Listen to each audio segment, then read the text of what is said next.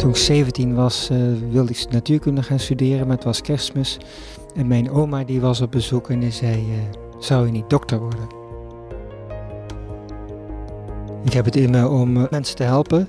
Dat had ik van jongs af aan al. Dat is volgens mij een soort aangeboren afwijking. Iedere zorgverlener wil het beste voor zijn of haar patiënt. Je hebt tenslotte dit beroep gekozen om mensen te helpen. Maar wat als het misgaat? Of als het goed gaat, maar je achteraf toch een klacht of een claim aan je broek krijgt? De kans dat je hier als zorgverlener minstens één keer mee te maken krijgt, is groot. Welke impact heeft dit op je leven, zowel zakelijk als privé, en hoe ga je hiermee om? Ze werd heel boos en uh, begon te schelden, stond op, vinger in de lucht naar mij, schoof met stoelen. En, uh, ik voelde me echt een beetje angstig. In deze aflevering het verhaal van Herbert. Hij werkt als KNO-arts in een ziekenhuis en als cosmetisch arts in een kliniek. Jaren geleden kreeg hij in de kliniek een vrouw op bezoek met een cosmetisch verzoek. 2014 was dat uh, voor het eerst. Dus dan intussen alweer acht jaar geleden.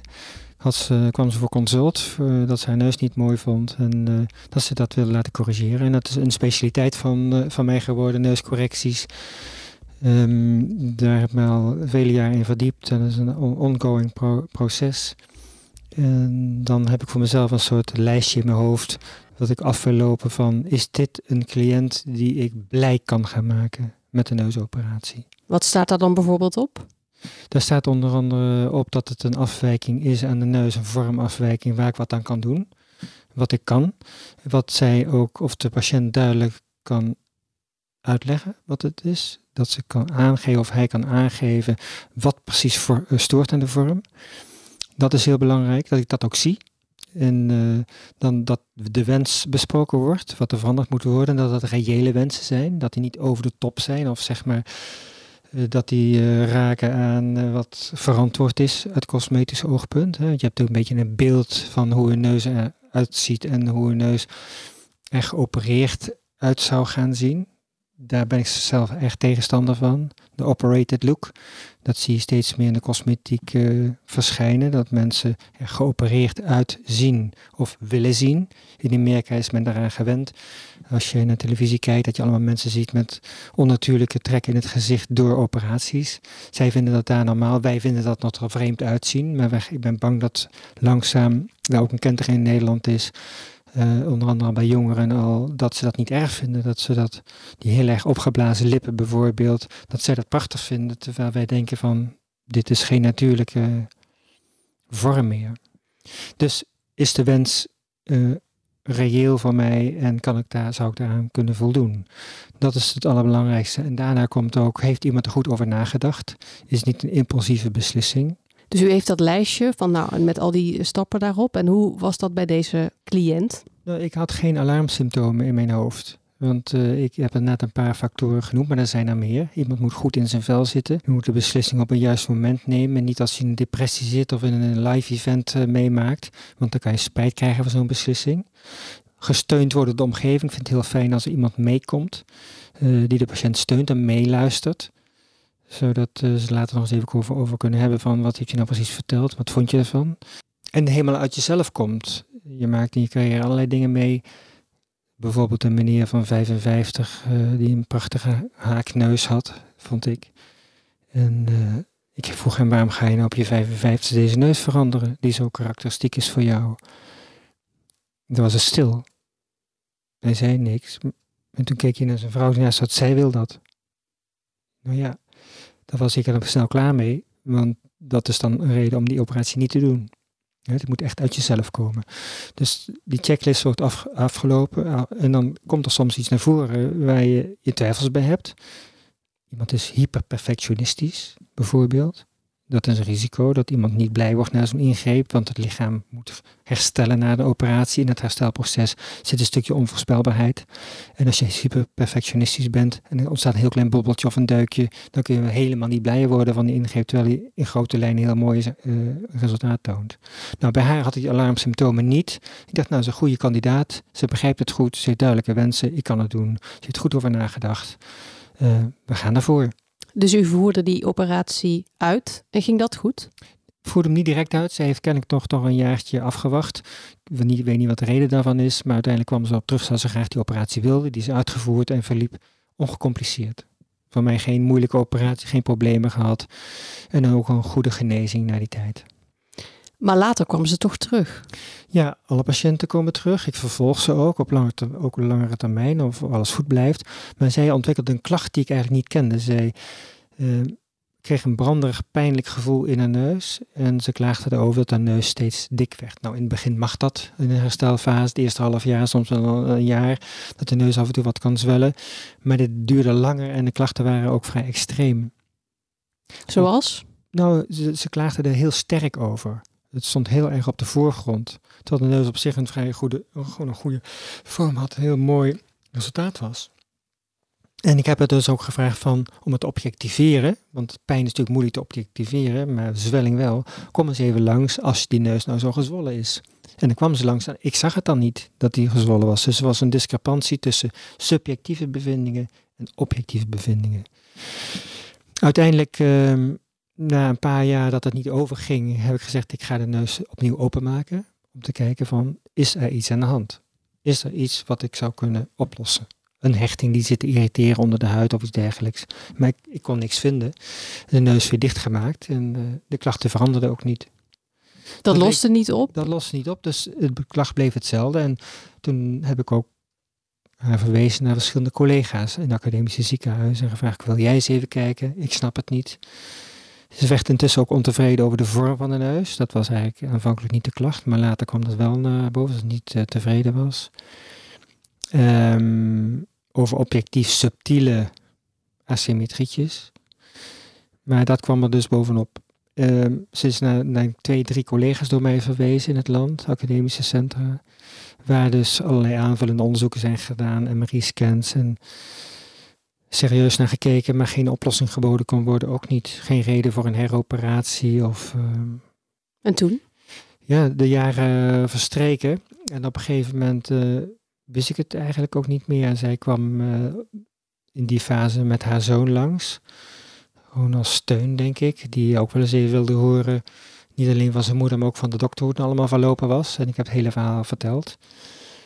En uh, zoon die zei tegen moeder, ja, ja, volgens mij lijkt alles uh, goed gegaan. Maar hij, hij, vroeg aan mij, wat had er dan anders kunnen gaan dan dat, dat dit voorkomen had kunnen worden? Nou, ik zeg, ik weet het niet. Het enige wat we niet hadden moeten doen is die operatie voor haar. Want ze is er doodongelukkig van geworden. Hij heeft er heel veel last van. Nou, en uh, dat zei de zoon tegen moeder, ja, wat, wat vind je ervan? En toen dat moment ontplofte zij, toen ging ze door het lint eigenlijk. Ze werd heel boos en uh, begon te schelden, stond op, vinger in de lucht naar mij, schoof met stoelen. En uh, ik voelde me echt een beetje angstig. Want had u dat eerder meegemaakt? Nog nooit in mijn leven. Nee, en dit was in 1990 begonnen met het vak, dus heel veel jaren ervaring. En zij liep dus scheldend en tierend de, de spreekkamer uit de volle wachtkamer in. Waarbij de assistenten en iedereen dacht, wat is hier gebeurd? Hè? Wat is hier aan de hand? Ik denk, nou dat is het dan. Dat is dan afgelopen. Die heeft afscheid genomen. Maar dat bleek niet het geval. Zag er in het ziekenhuis voor controle. Daar uh, meldde zich ook voor de deur bij de receptie zeer boos en kwaad en scheldend en dreigend en dwingend. Zodanig dat de mensen daar ook helemaal van de kook van raakten. Personeel en de balie angstig werden ook. En de politie belde, want ze wilden niet weggaan. Toen heeft ze een schriftelijke toegangsverbod uiteindelijk gekregen. En uh, er was een directe lijn met de politie als ze weer kwam, dat die direct zouden komen om uh, haar uh, mee te nemen. Dat klinkt heel heftig voor een, iets wat begint als een, als een best fijn contact. contact ja. ja. Ja, ja, dat is ook je probeert natuurlijk altijd van iets wat er gebeurt in je carrière, alles wat niet helemaal loopt zoals het hoort te lopen, te reflecteren van hoe kan dit gebeuren, waar kan ik mezelf verbeteren om dit voor de toekomst te voorkomen. Maar in dit geval kan ik niet zo goed bedenken eigenlijk. Wat al tot uiting was gekomen in het gesprek met uh, haar zoon. Heb het heel openhartig verteld tegen die zoon van hoe ik het bekeken had en een verklaring voor had. De vrouw dient een claim in bij de kliniek en de aansprakelijkheidsverzekeraar. Ze wil haar geld terug en een hersteloperatie in een andere kliniek. Maar beide zaken worden afgewezen. En enige tijd later ontvangt Herbert bericht De vrouw is een procedure gestart bij de geschillencommissie. Het was niet zo dat ik daar nou uh, verschrikkelijk van onder de indruk was. Ik zag de bui wel hangen, want ik had al zoveel met haar meegemaakt. Ik was meer onder de indruk van haar gedrag jegens mij geweest. En jegens mijn collega's. Dat baarde me wel zorgen. En zodanig zelfs dat ik wel eens dacht van, uh, ben ik wel veilig? Op straat, nou noem maar op. En dat zijn geen fijne gedachten, dus probeer je snel wel mee af te zetten. Maar dat zijn wel nare gevoelens. En toen die klacht kwam, had ik alle vertrouwen in dat dat tot een goed einde zou komen. Want ja, ik heb haar zes jaar begeleid. Ik heb alles goed opgeschreven. Ik heb met alle mensen contact gehad om me te helpen, om een ander licht op de zaak te werpen. Dus ik had zeker vertrouwen en ervaring ook met eerdere klachten. In de officiële klacht die deze keer wordt ingediend, vertelt de cliënt over de pijn die ze heeft overgehouden na de operatie. Ze eist daarom een schadevergoeding van 25.000 euro. Herbert heeft eerder twee keer met de tuchtrechter te maken gehad, maar niet met de geschillencommissie. Die procedure was nieuw voor hem. Ik had geen idee. De geschillencommissie kende ik niet. Daar heb ik me echt in moeten verdiepen. En ik denk dat een heleboel uh, collega's van mij in de zorg niet weten wat de geschillencommissie is en wat het kan, hoe die werkt en wat die uh, voor bevoegdheden heeft.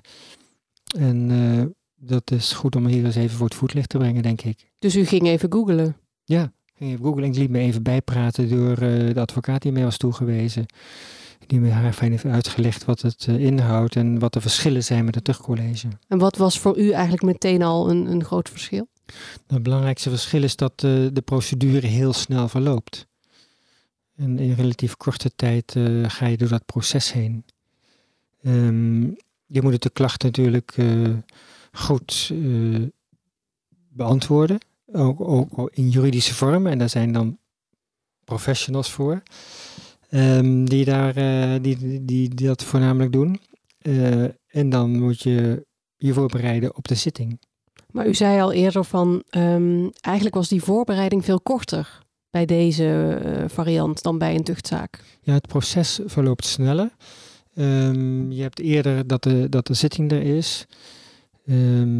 de volgt ook een uitspraak op korte termijn die bindend is. Dat is een heel groot ver verschil. Geen hoger beroep. Geen hoger beroep nodig, uh, mogelijk.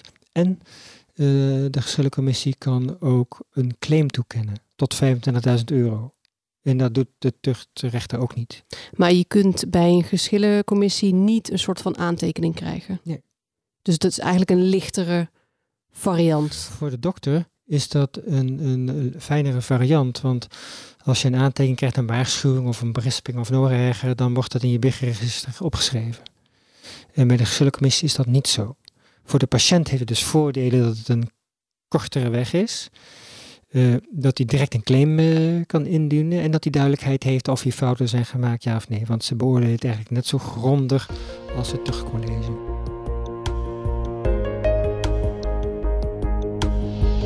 U heeft dus twee eerdere zaken gehad en u heeft daar ervaring mee. Dus eh, waren er meteen dingen die, waarvan u dacht, nou dit wil ik anders doen, dit pak ik anders aan? Dan uh, bij de tuchtzaak bedoel je? Nee, ik denk dat ik van tuchtzaken heb ik geleerd, heb ik een paar dingen geleerd. De eerste tuchtzaak die was, uh, ging over een patiënt die ik tien jaar tevoren had behandeld. Over het gehoor. En een ooroperatie had gedaan die goed was gelukt. Maar tien jaar later kwam ze dat haar gehoor door die operatie slechter was geworden. Ik had een hele goede band met haar opgebouwd, geloof ik. Want ik had gezorgd dat ze Nederland kon blijven terwijl ze uit Oost-Europa kwam. Omdat ze een hele slechte oren had. Ze stuurde mij bedankkaartjes met kerstmis dat ik dat voor haar gedaan had. De operatie was goed gelukt, maar na tien jaar zei ze... Ik voelde als een dolksteek in de rug. Als wat ik voor haar gedaan had en het idee dat we een goede band samen hadden. Dat ze me voor het terugcollege sleepte. En dat was een belangrijke les voor mij als arts, dat je vertrouwen in mensen hebt natuurlijk, uh, maar dat je niet verwachtingen verder te hoog moet hebben, want je kunt enorm teleurgesteld worden dat, ja, dat mensen op een gegeven moment anders over dingen denken of stappen zetten die je nooit verwacht zou hebben. En dat was wel even een, een periode daarna, heeft dat een soort cynisme even teweeg gebracht bij mm -hmm. me. Een poosje heeft geduurd dat er weer wat sleet, maar wel wat is van blijven hangen dat ik ook al denk je, je hebt goede banden, je moet nooit kort door de bocht gaan. Je moet alles goed blijven opschrijven. Je moet professioneel blijven handelen. Je hebt echt die professionele relatie, die moet je intact houden. Empathische professionele relatie. En bij die tweede zaak had ik dus vanaf de eerste, van de eerste zaak ook geleerd alles goed te documenteren en op te schrijven, patiënten begeleiden. Dus je dossiervorming en je medisch handelen zijn op orde. Dus daar had ik ook vertrouwen dat dat goed zou komen. Alleen de klager bleef klagen. Die ging van de ene in het andere en hield niet meer op. En uh, dat is een heel lang proces, want er komen, wat ook heel moeilijk is, wat ik ervaren heb bij klagers, dat zij een eigen waarheid hebben in het hoofd, een eigen gedachten over wat er gezegd is en wat er gedaan is.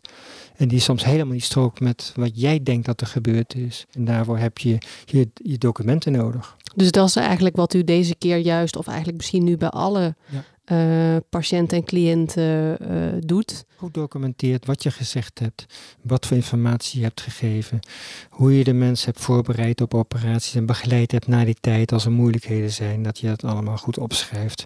Als de dag van de zitting is aangebroken, kan Herbert er niet bij zijn, want hij is op vakantie in Zwitserland. Ik kreeg wel de gelegenheid om via Zoom erbij te zijn. Ik wilde zeker erbij zijn. Ik vond het niet een heel fijn idee om niet live daar te zijn, maar goed. Ik vond het ook niet fijn van mijn partner om die vakantie op te zeggen. Dus, maar op dat moment had ik een gelukje, want er waren treinstakingen. Dat is niet zo lang geleden. En dus de commissieleden konden ook niet live aanwezig zijn. Dus het werd voor iedereen een Zoom-meeting. Waar ik toch het gevoel had een beetje van gelijkwaardigheid uh, in die zitting. Hoe was dat verder? Want dan doe je dus beide je verhaal via een videoverbinding. Maakte dat, dat dan, dan nog uit voor uh, emoties of voor persoonlijke, hoe dat persoonlijke verhaal gedeeld werd? Ik vond het op zich wel eigenlijk fijn, want je hebt ook wat afstand tot uh, de klager. Die komt dan wel weer heel erg dichtbij en uh, nu was het alleen in beeld. En de klager was in dit geval, ja, die het vertoonde net zo'n ongeremd, oncorrigeerbaar gedrag als in de spreekkamer. Dus uh, liet uh, niemand uitspreken, interrompeerde steeds, gaf geen goede antwoorden op de vragen. Dus ze maakte daar niet een heel erg uh, indruk waar, de, waar, de, waar de, de beoordelers wat aan hadden. En op een gegeven moment moesten ze zelfs uit de Zoom-meeting worden gezet, omdat ze eigenlijk niet ophield. Dat herkende u? Ja. Het was moeilijk tot haar door te dringen met uitleg en, en gesprekken, ja. En dat was in het begin, toen ik haar leerde kennen, niet zo. Dus, dus in, het, in die jaren zijn er dingen in haar hoofd veranderd. Dat kan natuurlijk gebeuren. Dus je wil eigenlijk dit niet weer opnieuw mee, meemaken, zoiets. Door alarmsignalen op te pikken en te zeggen, nou, het is niet verstandig om dit te gaan doen, zo'n operatie. Maar je kunt niet alles voorkomen. Vond u de, de zaak zelf of die dag, die meeting, vond u dat spannend? Nee, ik, ik vond het niet uh, spannend. Ik was uh, goed geconcentreerd. Ik had me voorbereid en ik, ik, hoef, ik hoefde niks te veinzen. Ik heb gewoon nog verteld hoe het gegaan is. En ik heb ontzettend ook mijn, mijn medeleven getoond aan haar, want zij zit er wel mee in haar hoofd. Hè. Ik heb een cliënt die ik niet blij heb kunnen maken. Integendeel, die ongelukkig is geworden. En dat trek ik mezelf toch aan. Want ik, heb, ik ben naar dokter geweest, ik had haar moeten helpen en ze is ongelukkig geworden. Ik voelde het wel buiten mijn macht liggen, maar ik heb wel naar mijn idee alles gedaan wat ik kon om haar te helpen. De uitspraak volgt vier weken later via een brief. De klacht wordt door de geschillencommissie ongegrond verklaard en het verzoek tot schadevergoeding wordt afgewezen. De uitspraak is bindend. Dat betekent dat de cliënt geen beroep kan aantekenen. Ik had ook niet anders verwacht. Hoor. Je weet natuurlijk nooit of er een aap uit de mouw komt, maar uiteindelijk is het toch een geruststelling. Um, en een ervaring rijker. Ik heb er een hele hoop van geleerd en het gevolg daarvan is dat, dat ik hier weer zit. Wat dan? Weer van geleerd om uh, bij de feiten te blijven, rustig te blijven, vertrouwen te hebben in jezelf en te accepteren dat dit weer bij je vak hoort. Zeker in dit tijdsgevricht, waar mensen makkelijker uh, hun recht proberen te halen en te klagen. Uh, in het begin van je carrière, als je jong bent, dan zie je dat als een soort doembeeld voor je. Straks krijg ik een zaak.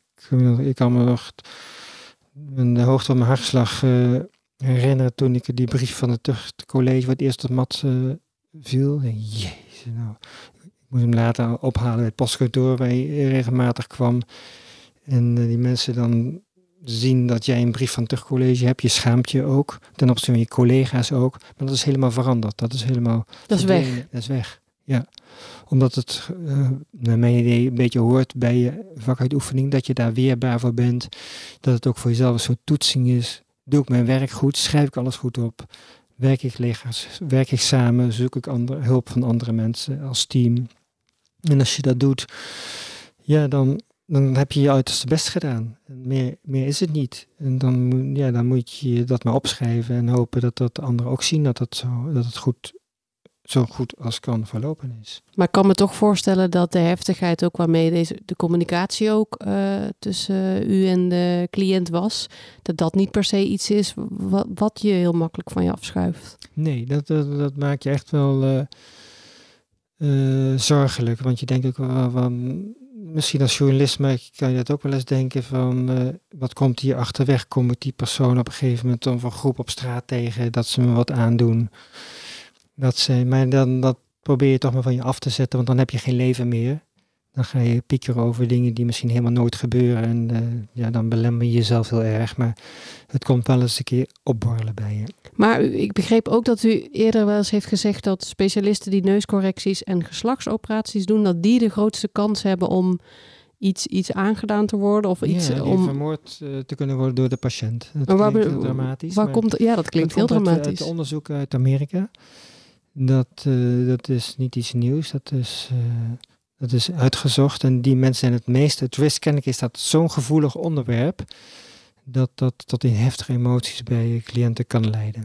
En dat, dat wist u dus ook al voor. Ja, dat wist ik. Nou, dat... ik zou dan niet meer aan dit vak beginnen. Ja, maar je moet wel doen aan kansinschatting natuurlijk. Hè? En je denkt altijd dat zijn dan uh, collega's geweest die het te bond hebben gemaakt bij patiënten of niet erg empathisch hebben gehandeld. Maar je ziet, ik ervaar toch dat zo'n soort bedreigend gevoel kan ontstaan Terwijl je zelf het idee hebt dat je alles hebt gedaan voor zo'n uh, cliënt, dat het dan zelfs jou nog ook kan overkomen. Dus, Heeft u die vrouw nog ooit gesproken?